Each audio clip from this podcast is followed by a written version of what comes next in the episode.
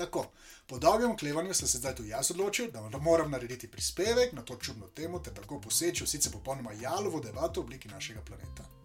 Pravim, da je devata jalova, saj se tista druga stran s krempi ter ugrizi brani ustaljenih razlag v obliki nam tako drage zemlje, ter raje dosledno razglaša znanstvenike za skorumpirane lažnivce. In to se je pripetilo tudi meni. Moje objave o temah, ki se po večini tiče dogajanja v Sončju, namreč promoviram na različnih astronomskih straneh na Facebooku ter na Redditu na podstrani Slovenija. In dvakrat sem menda dregnil v osje gnezdo ter si tako nakopal srd gorečih predstavnikov tiste manjšine v naši družbi, ki v obliku Zemlje na letalu meri zvodno tehnico in ki zanika obstoj gravitacije. In ki trdi, da je Luna dejansko zemljevid, ki nam razkriva resnico o tem, da na naši ravni Zemlji obstaja 54 celin, le da nam do 47 od njih dostop branita ruska in ameriška vojska. Tukaj pa se skriva tudi odgovor na vprašanje, ki ste si ga vi zastavljali že od vašega drugega leta starosti in sicer, zakaj ne moremo potovati dlje od Antarktike. V nadaljevanju tako predstavljam nekaj argumentov teh novodobnih freestyle znanstvenikov in dajmo moj odgovor na nje. Ker moji sogovorniki zagovarjajo idejo o ravni zemlji in ker se tem ljudem v angleščini reče flat earthers, sem ta izraz poslovenil kot ravno zemljani. Ne delam si utvar, da bom katerega ravno zemljana prepričal na pačnost njegovih verovanj. Ne, ne, ne, ne. To upanje sem jaz opustil že dolgo tega. Upam pa, da bo prispevek zanimiv in mogoče celo zabaven za vse ostale. Pa začnimo tukaj je prvi argument našega sogovornika. Sončni blok. Voda je tukaj bistvena, saj večjega umirjenega telesa vode ne moreš ukriviti. Voda rabi kontejnerju podobno stvar, da se ne razlije.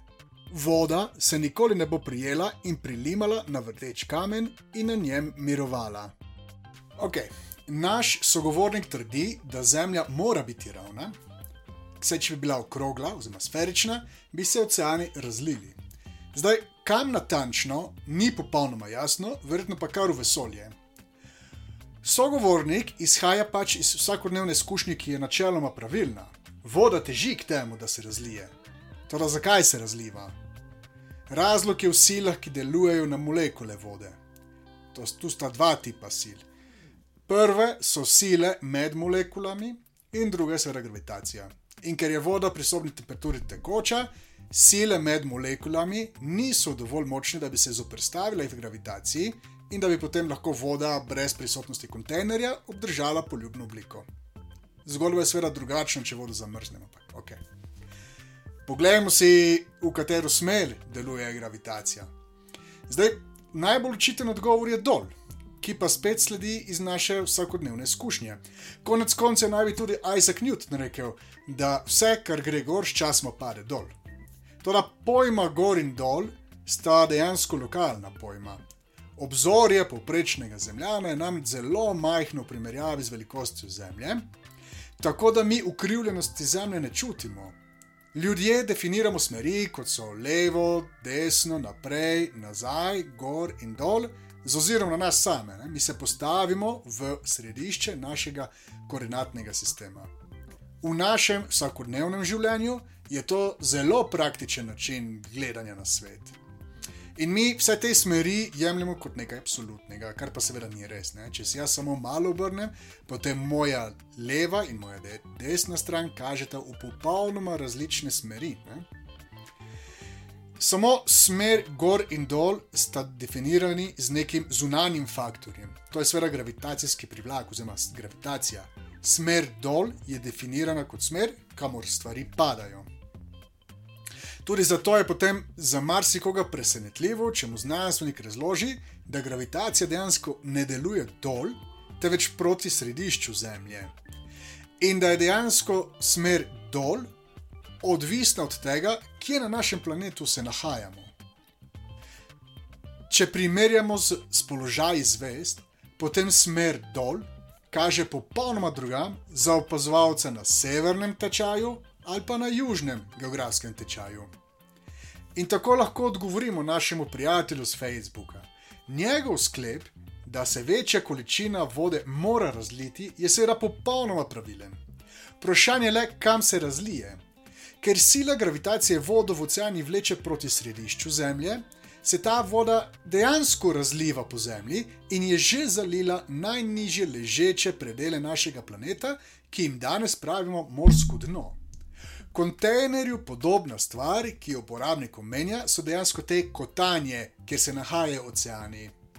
In ker ima naš planet približno obliko krogle, oceani nimajo druge izbire, kot da njihova gladina povzame ta isto obliko. Voda se zaradi gravitacijske sile dejansko prilima na vrteč kamen. Poglejmo si sedaj zanimiv eksperiment, ki so ga na mednarodni vesoljski postaji izvedli ameriški astronauti in ki kaže, kakšno obliko voda zauzame, če na njo gravitacija ne deluje.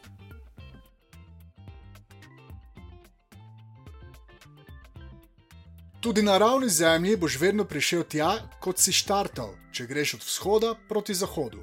Ne, če bi bila zemlja ravna in bi po njej hodili v ravni črti, se nikoli ne bi vrnili na izhodišče. Mi ne priznavamo gravitacije, še Newton ni verjel vanjo. Gravitacija, enako kot preostali pojavi v naravi, na srečo ne zavisi od tega, da jo kdo priznava. Boš trdil, da ladja zapluje za horizont, ha, ha, ha, bježi odavde. Sogovornik trdi, da je argument za okroglo zemljo, namreč da ladje sčasoma izginejo za obzorjem in to tako, da najprej izgine spodnji del ladje, se pravi trup, še na to pa višji deli, kot so jambor in jadra, lažen. Vendar to je natanko to, kar se dogaja.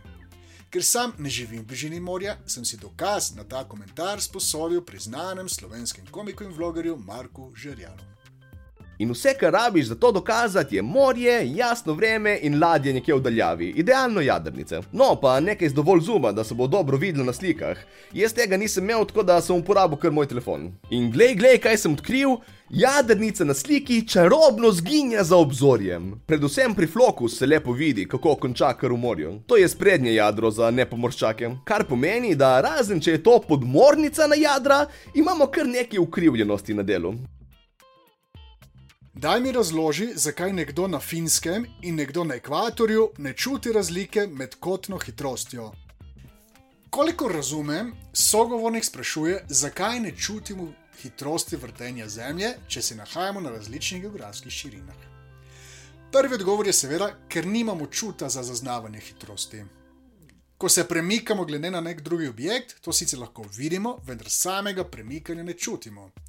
Kar pa čutimo, so pa sile, ki na nas delujejo, če se gibamo pospešeno, torej če se naša hitrost s časom spremenja. Vrtenje in kroženje, čeprav enakomerni, sta pospešeni gibanji. Razlog temu pa je dejstvo, da se med vrtenjem točkam na telesu smer hitrosti v vse čas spremenja. Če se vrtimo, čutimo, da na naše telo deluje centrifugalna sila, ki vleče dele našega telesa v smeri stran od osi vrtenja. Zdaj, ali res ne čutimo eh, te centrifugalne sile? Vprašanje je, ali je ne čutimo, ali pa se je ne zavedamo. Naredimo pa lahko nekaj preprostih izračunov, ki nam pokažejo, kakšne so velikosti centrifugalnih sil, ki delujejo na nas zaradi različnih gibanj Zemlje. Prva taka je seveda centrifugalna sila, ker jo čutimo, ker se Zemlja vrti. Ta zavisi od vrtilne dobe našega planeta, ki je enaka enemu dnevu, od mase telesa, torej naše mase, in od razdalje od osi vrtenja Zemlje. Na Zemlji smo od osi vrtenja najbolj oddaljeni na ekvatorju, saj je v tem primeru razdalja enaka ekvatorialnemu polmeru Zemlje, ki znaša nekako 6378 km približno. Če potujemo na zemlji severni ali južni tečaj, je ta razdalja enaka nič, saj je po definiciji tečaj tista točka na zemljem površju, hm, kjer njena os prebada to površje. Maksimalna centrifugalna sila deluje na nas, torej na ekvatorju, in jo lahko enostavno zračunamo s tole formulo. No, in izkaže se, da če 100 kg osebo postavimo na ekvator, in če ta oseba stopi na tehnico, bo zaradi vrtenja Zemlje na to osebo delovala centrifugalna sila, ki je enaka 3 newtonom, kar pomeni, da bo tehnica pokazala tej osebi težo za 300 gramov manjšo, kot če bi se ta oseba nahajala na severnem ali južnem tečaju.